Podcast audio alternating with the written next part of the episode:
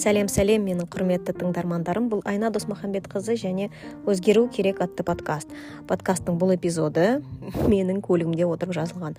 Неліктен деген сұраққа мынандай жауап. Себебі мен бүгін күшті бір ақпарат естідім. Ал бұның алдында мен екі күн бойы өзімнің бір ұзақ жылдар бойы жасап жүрген бір қателігімді байқадым.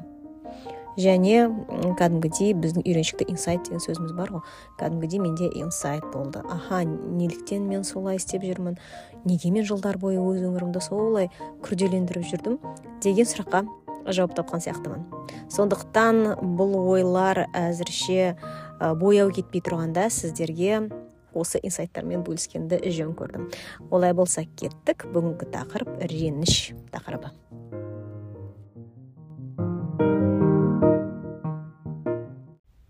Негізі мен өте жиі және өте ұзақ өте көп ренжитін адамдар қатарынан болдым ұзақ уақыттар бойы.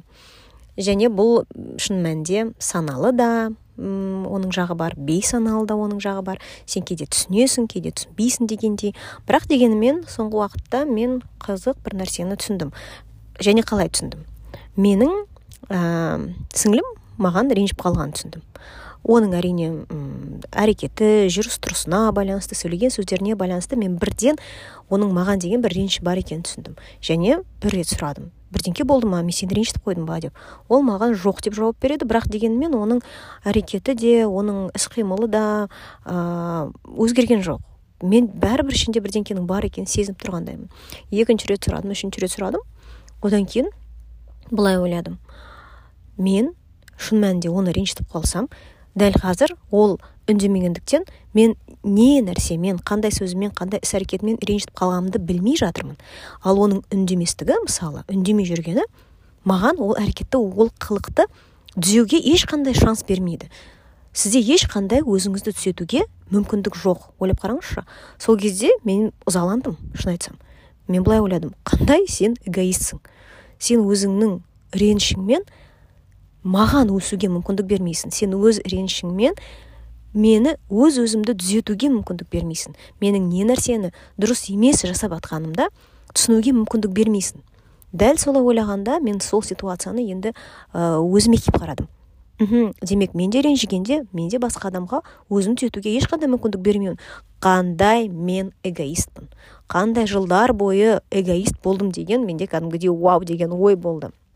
Бұл бір ә, бұл бірінші ситуация болды. Екінші ситуация бұл да жақын арада болды.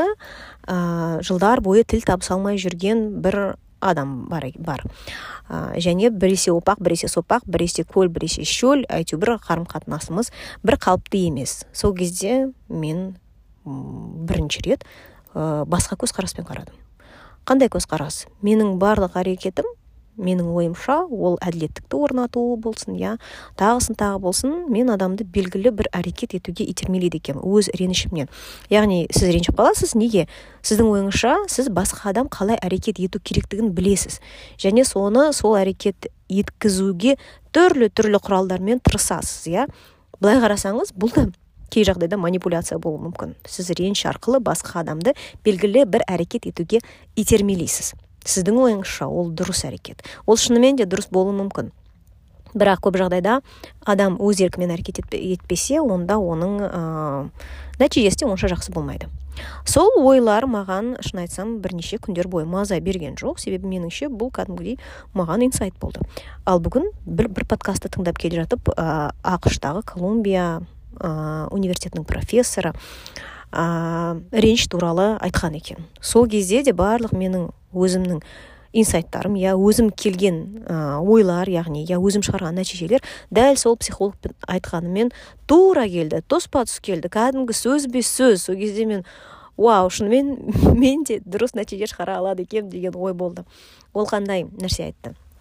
Ол ренжіп қалатын адамдар туралы және ренжітетін адамдар туралы болды. Ренжіп қалатын адамдардың әрекеті ол қандай? Көп жағдайда үндемей қалу үндемей қалып адамдар бір бөлмеге тығылғандай болады. Сені біреу ренжітті ма? Сен ә, не нәрсе дұрыс емес екенін айтқан жоқсың. Қалай қалайтыныңды айтқан жоқсың. Ә, қандай сөз сені ренжіткенді мысалы? Қайсы жаныңа батқанын ештеңені айтпайсың да жай ғана өзіңнің ішкі бөлмеңе кіріп кеткен сияқтысың. Ішкі бөлмеңе кіресің терезе есіктеріңді жабасың және сондай терең реніш сезіміне батып кетесің. Сенің ойыңша енді сені ренжіткен адам келіп сол бөлмеңні есігін тоқылдату керек терезесін тоқылдату керек ал сен бұл жерде кәдімгідей корольсің. Сен шешім қабылдайсың. Кімді кіргізем кімді кіргізбеймін. Кімге есік ашам кімге есік ашпаймын.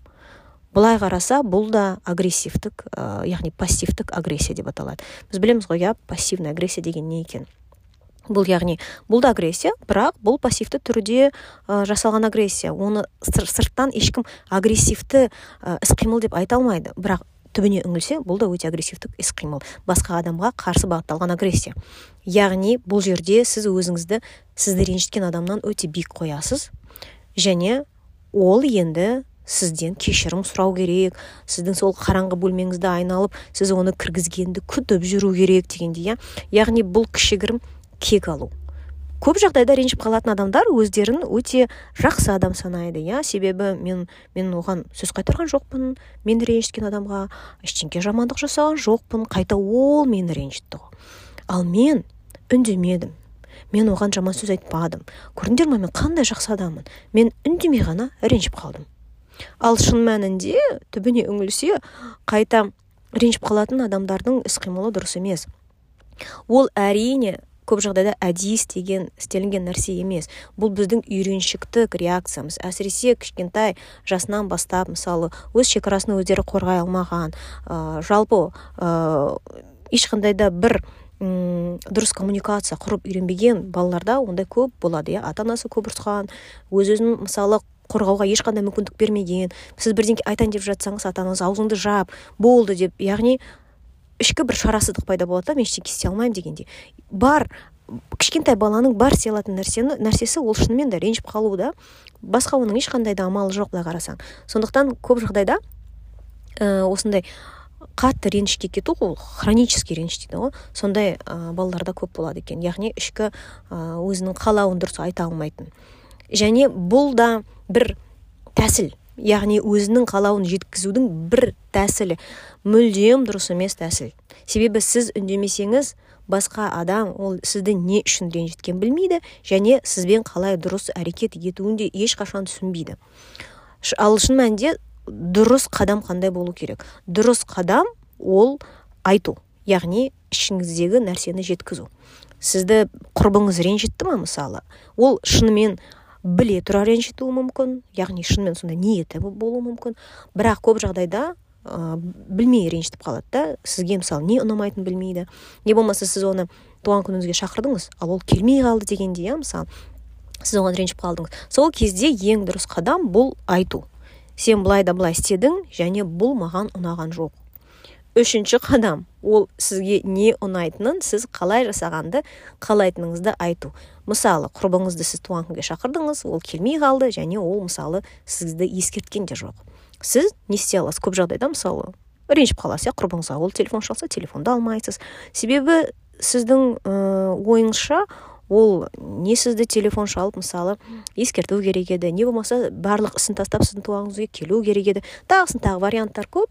Ә, ең бастысы сіздің ойыңызша ожидание сізде басқа болды. Ал оның істеген нәрсесі басқа болды дегендей. Сондықтан қараңғы өзіңіздің ішкі бөлмеңізге кіріп кетпей басқаша әрекет етіп үйренсеңіз өміріңіз де күрт өзгереді екен. Яғни құрбыңызға айтасың маған сенің туған күнге келмегенің ұнаған жоқ. Мен сенен мысалы ескертеді деп күттім иә. Келесіде сен мені ескертсең сол дұрыс болушы еді. Сол кезде мысалы ол адам да басқаша әрекет етуі мүмкін. Бірақ біздің қоғамда неліктен бұл көп жағдайда дұрыс жұмыс істемейді. Ә, бұған бір себеп бар иә. Біздің ә, әлеуметте яғни иә біздің ә, социумда дейміз ба көп жағдайда м парадигма бар да мынандай парадигма. Ақ қара дұрыс дұрыс емес ноль жүз. Болады болмайды. Ә, успешный неуспешный дегендей иә ә, оны психологияда да белгілі бір атауы бар. Қазір ұмытып тұрмын. Дихоматическое мышление дей ма оны қарап алып сіздерге сосын айтамын. Бірақ ә, мәні мынандай да. Сіз тек қана екі ә, крайний нәрселерді көресіз. Не былай болады не былай болады. Ортасы жоқ.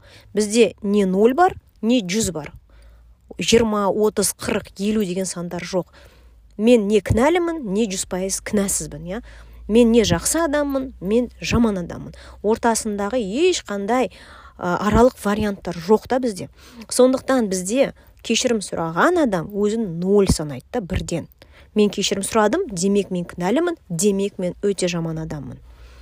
Сол сияқты біздің қоғамда кешірім сұрау мәдениеті қалыптаспаған. Бізде сен кешірім сұрадың ба? Сені сен бірден ренжіткен адамның алдында тура деліп отырып алған сияқты болдың да? Болды енді анау кәдімгідей палач. Ол енді үкім шығарады иә? Сенімен не істеу керек сені жазалау керек па? Жоқ әлде сені аяу керек па? Себебі сенің кешірім сұрағаның ол бірден біздің қоғамда сені кінәлі етіп қояды да. Сен кінәлісің ал енді сен не істесең де оны істеуге болады. Әрине адамдар кешірім сұрағысы келмейді көп жағдайда. Және кешірім сұраудың да ә, мәдениеті бар. Мысалы егер сен ә, байқаусыздан адамды ренжітіп қойсаң кешірім сұрау бұл жерде дұрыс па? Дұрыс емес па иә? Және дұрыс болса қалай сұрау керек? Шын мәнінде де кешірім сұраудың мынандай мәдениеті бар екен.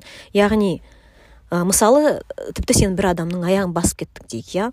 Кәдімгі саналы адам ая, аяғын басып кеткенде ол адамға мысалы ауыратынын біледі. Сондықтан кешіріңіз деп айтады. Және бұл дұрыс та. Ал мен мысалы байқамай басып кеттім сондықтан кешірім сұрамаймын сондықтан ештеңе айтпаймын деп кетіп қалу ол көп жағдайда мәдениетсіз санасыз адамдардың қадамы. Не болмаса психологиялық тұрғыдан өспеген инфантильді адамдардың қадамы. Сондықтан не, не деп айту керек иә? Ә, мен аяқты басып кеткен үшін кінәлі демейсіз. Ал мен аяқ аяғыңызды басып кеттім иә. Сол үшін мысалы сіздің аяғыңыз мысалы қазір ауырып қалды иә. Ә, бұл да мен үшін бір ыңғайсыз жағдай иә. Бұл да мен үшін бір ә, сәтсіз жағдай. Орысша айтады ғой мне жаль я виноват емес мне жаль вот осы мысалы дұрыс себебі сіз эмпатияны білдіріп тұрсыз да маған бәрібір емес сенің аяғыңды басып кеткен маған да бәрібір емес. Мен сізді ренжітіп алғанына мен маған да сіздің сезіміңіз бәрібір емес. Міне солай кешірім сұрау мысалы шын мәнінде сол дұрыс екен. Себебі сіздің кінәңіз жоқ қой. Сіз аяғын мысалы байқамай басып кеттіңіз иә? Сіз басқа адамға байқамай бір сөз айттыңыз. Қай жағдайда мысалы мен кінәлімін деп шынымен айтуға болады? Егер сіз шынымен шын ниетпен иә барып әдейі біреуді ренжітсеңіз иә әрине бұл жерде бұл жерде кінә бар. Ал біз көп жағдайда шынымды айтсам байқаусыздан көп адамды ренжітіп қоямыз. Сондықтан осы ә, кешірім сұрағанда да осы нәрсені ұмытпаған жөн. Себебі ренжіп қалған адамға не керек? Оған сенің берген ә, назарың көңілің керек иә? Ә, яғни сенің оның қазір сезініп тұрған сезімдеріне орысша айтқанда есть дело иә? Ә, бұл да саған маңызды екенін білу керек. Ол ә, білмеймін мысалы аяғын басып кетті иә? Саусақ сынып қалды дейік иә? Сенің кешірімің оның саусағын қайтадан түзеп бермейді. Бірақ дегенімен сен де мысалы оған қайтадан орысша айтқанда иә мен көп жағдайда орысшаға көшіп кетемін сондықтан ә, кешірім сұраймын ә, ты тоже сожалеешь иә әрине саусағың барып гипс орнату керек ақ керек көк керек иә но тебе жаль. Сол керек та блин ана бала ана адам да мысалы ә, былай қарасаң он тоже сожалеет, да, он тоже сожалеет, что мне сейчас плохо. Он тоже сожалеет, что мне сейчас больно.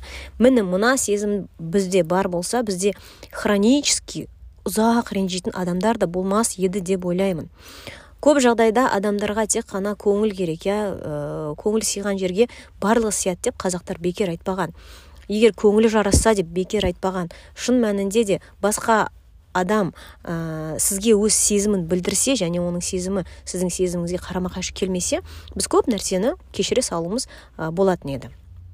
Ал бізде өкінішке орай кешіре алмайтын не болмаса кешірім сұрай алмайтын адамдар көп болады.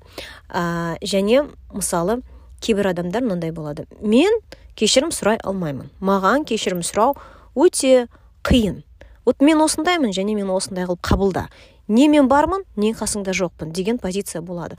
Бұл жасөспірімдік позиция бұл үлкен адамның позициясы емес бұл балалық позиция. Біз кішкентай бала кезімізде ғана мысалы өмірді солай қабылдаймыз иә? Не қара не ақ. Бізді тәрбиелегенде де солай тәрбиеледі былай жасауға болады былай жасауға болмайды. Мынау жақсы мынау жаман. Сен үш жастағы бес жастағы балаға өмірдің күрделілігін түсіндіріп отырмайсың ғой. Адамдардың қалайша әрекет ететіні кей жағдайда не ойлайтынын түсіндіріп отырмайсың. Себебі оның психикасы ол ақпаратты қабылдауға дайын емес. Сондықтан бізді ана ата аналарымыз кішкентай жастан бастап солай тәрбиелейді. Мынау ақ мынау қара мынау болады мынау болмайды мынау биік мынау аласа мынау жақсы мынау жаман дегендей. Бірақ біз сол психологияда тұрып қалсақ біз ешқашан ересек адам болып үйренбейміз. Ал мысалы ересек адамдар бар болады мысалы қайта қайта өзінің әйелін ренжітіп қоятын бір еркек бар болса иә. Ол былай айтуы мүмкін. Менің мінезім сондай. Не сен мені солай қабылдайсың не сен мені солай қабылдамайсың. Қайтты иә ноль не болмаса жүз. Бұндай еркек бұл ә, балалық позициядан өспеген еркек. Себебі ересек адамдар өмірдің түрлілігін түсінеді. Ересек адамдар өмірде түрлі ситуациялар болатын және ол ситуацияларға түрлі адамдар түрлі әрекет ететінін түсінеді.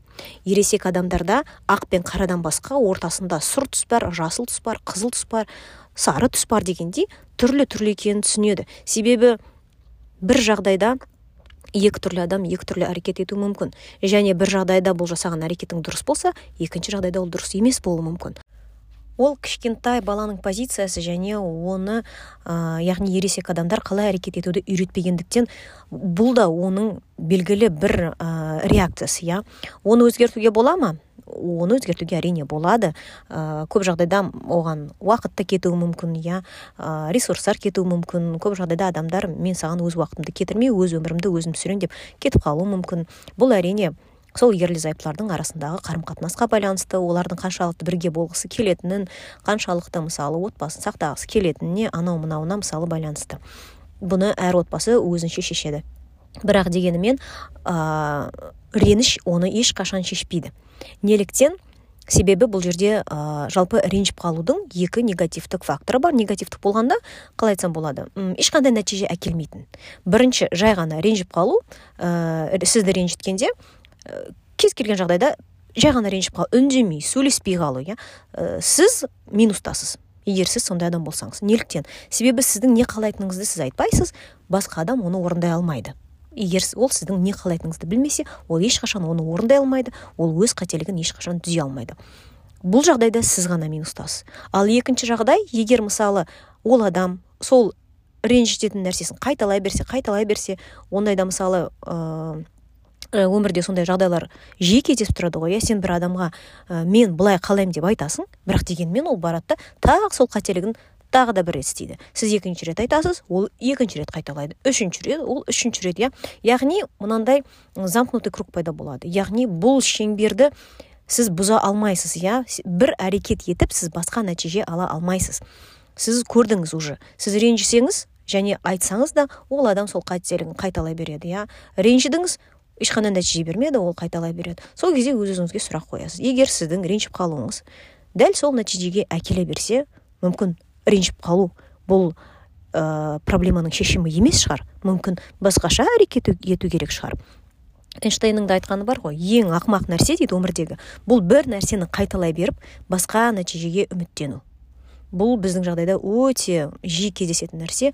Біз қайта қайта ренжи береміз ал бірақ ә, оның шешімі табылмайды иә? Қайта қайта бір нәтижеге тап бола береміз. Сондықтан ренжіп қалатын адам көп жағдайда өзі минусқа кетіп отырады. Оның қажеттілігін ешкім ешқашан жаппайды. Себебі ол не қажет етіп жатқанын ешқашан айтпайды. Біздің басымызда андай парадигма бар ғой иә сен менің не қалайтынымды білу керексің. Сен менің не қалап жатқанымды сезіну керексің. Как будто әрбір адамның бір рентген зрениесі бар сияқты да саған қарап отырады да. Жыжық деп сканерлейді да ага мынау адам былай қалап тұр екен ғой мынау адам былай ойлап тұр екен ғой деп иә ал өмірдің шындығы сол ешкімде ондай біреудің ойын оқитын не болмаса біреудің ішінде не болып жатқанын көретін ешқандай рентген аппаратымыз жоқ. Сондықтан біз айтпасақ біз тілімізді қолданбасақ коммуникацияны құрмасақ онда ешқашан біз бақытты бір өмірге ә, жетпейміз деп ойлаймын. Жақсы. Ренжіп қалудың продуктивті емес яғни еш нәтиже әкелмейтінін біз түсіндік. Сондықтан ең бастысы енді бұл жерде сұрақ ә, не істеуім керек иә? Біріншіден бұл шеңберден шығу керек.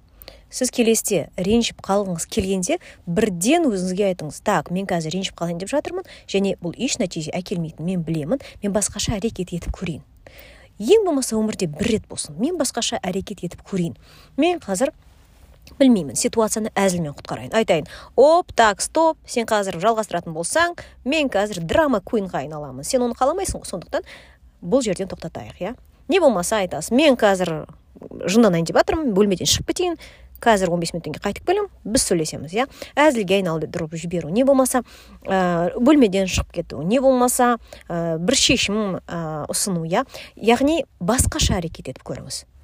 Өміріңізде бір рет болсын басқаша әрекет етіп көріңіз және оның нәтижесі қандай болады екенін көріңіз. Ал егер сіз біреуді ренжітіп қойсаңыз онда мысалы не істеу керек? Біріншіден бағанағы айтқандай өз сезіміңізді білдіріңіз. Сіз басқа біреудің басқа біреуді ренжітіп қойғаныңыз үшін мысалы сізге де ыңғайсыз екенін айтыңыз. Иә мен ә, сенің сезімдеріңнің ә, осындай мысалы ә, тиісіп кеткенім үшін иә сенің мынандай мынандай істегенім үшін шынымен де мен өзімді ыңғайсыз сезінемін. Маған бәрібір емес. Сенің не сезініп тұрғаның маған бәрібір емес. Бұл бір иә екіншіден бір өте күшті сұрақ қойыңыз. Бұл сұрақ шын мәнінде бүкіл конфликтті тоқтата алады. Сұрақ мынандай. Мен қазір қалай әрекет етуім керек? Сенің ойыңша? Сен ренжімес үшін мен қазір не істегенді қалайсың? Мен не істеуім керек еді. Бұл жағдайда ана адам мысалы соншама ренішке батып кетіп ештеңке деп жауап беруі мүмкін да. Бұл жағдайда болды. Сізден жауапкершілік толығымен шешілді. Себебі сіз өз сезіміңізді білдірдіңіз сізге бәрібір емес екенін айттыңыз. Және үшіншіден сіз шынымен де ә, ситуацияны түзету үшін бір нәрсе істеуге бір қадамға баруға дайын екеніңізді көрсеттіңіз. Және ол не қадам болу керектігін сұрадыңыз. Болды сіздің мысалы жүз пайыз істейтін нәрсенің бәрін сіз істедіңіз. Ал басқа адам енді ә, мяч на его стороне дейді иә орыстар енді ол шешімді қабылдайды. Ол әлі де ренжісі келіп жүрсе ол оның құқығы бар. Ренжи берсін. Бірақ ол адамға енді екі есе қиын. Біріншіден реніш ешқандай. Ә, нәтиже әкелмейтінін ол түсіну керек. Екіншіден уақыт өте ол ана қараңғы бөлмесінен шығуға мәжбүр. Себебі ол түсініп тұр. Сіз өзіңіздің істейтініңізді істедіңіз. Ал енді ол бірдеңке істеу керек. Ал бұл қараңғы бөлмеден өз бетіңше шығу біздің қоғамда бұл да өте ыңғайсыз жағдай да. Бұл себебі жеңіліп қалған адамның жағдайы. Себебі ол сені есік терезені тоқылдатып сені шақырып тұрған бір бөлек. Өз бөлмеңнен қараңғы. Ал ешкім сені шақырмағанда өз бетіңше шығу бұл екінші бөлек бұл сәл ыңғайсыз. Себебі бұл күтпеген жағдай. Сені ешкім күтіп тұрған жоқ. Бірақ сен енді барып сол ә, қоғамға ену керексің деген бір ассоциация қалыптасады иә? Қалай сен сол бөлмеден шығасың? Ештеңке болмағандай шығасың ба? Жоқ әлде тағы да біреу сені тоқылдатқанды күтіп отырасың ба? Бұл бізге моральдық тұрғыдан андай чувство унижения сыйлайды да енді мен мен вроде ренжіп қалған адаммын ғой енді мен қалай барып қайтадан сөйлесіп кетуім керек мен қалай әңгімені бастап кетуім керек. Түк болмағандай барып шайға отырайын ба иә? Ішкі бір онша емес сезімдер басталады. Ал сіз өзіңіздің айтқаныңызды айттыңыз істейтін нәрсеңізді жүз пайыз істедіңіз. Сонымен ә, бүгінгі тақырып өте қызықты болды деп ойлаймын. Шыны керек маған өзіме өте қызықты болды.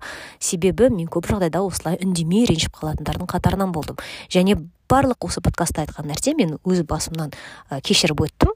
Шынымен қайта қайта адам әрекетін қайталай берсе мен қайта қайта ренжіп қаламын. Бірақ ол ешқандай нәтиже әкелмейді. Бұл бір. Екіншіден тіпті маған кешірім сұрағанның өзінде де мен кешірмей мысалы басқа нәрсені күтіп отырамын иә? Ал адам менің не күтіп отырғанымды білмейді. Әрине конфликт ыыы ұлғая береді ыыы жағдай жамандай береді дегендей иә?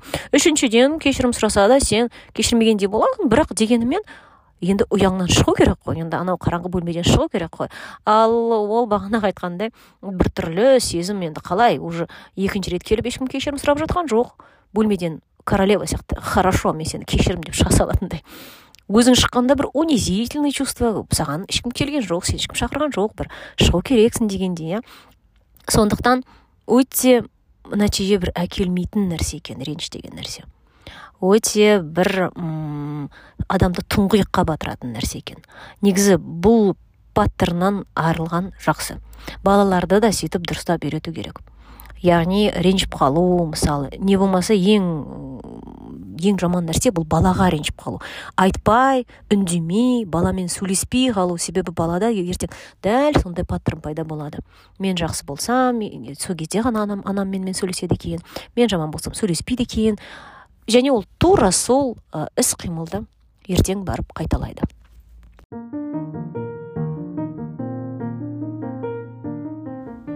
Үстелдің үстіне қуыршақ және ойыншық қоянды қойып қойып олардың артына үлкен ойыншық аюды әкеліп қойсақ үстелдің алдындағы бес жасар қыз екі кішкентай ойыншықтың артында үлкен ойыншық бар екенін көреді. Ал арғы жағынан әкелсек ол тек қана үлкен аюдың артын көреді да алдында екі ойыншық бар екенін көрмейді. Бұл баланың психологиясы. Бала кішкентай ол ситуацияны бір қырынан ғана көреді. Ал біз ересек адамдармыз. Біз ситуацияны түрлі түрлі қырынан көріп үйренуіміз керек. Біз менталды түрде ересек адам болып үйренуіміз керек. Және менталды түрде ересек адамдар өзінің қалауын айта алады нақты жеткізе алады. Үндемей ғана өзінің қараңғы реніш бөлмесіне кіріп жатып алмайды. Және ересек адамдар кешірім сұрай алады. Себебі олар ситуацияның түрлі екенін біледі. Және кешірім сұрағаннан олар ешқашан да бір жаман адам болып қалмайтынын біледі. Сондықтан біз бұл паттернді өзгерту керекпіз. Ал ол үшін өзіміз өзгергіміз керек.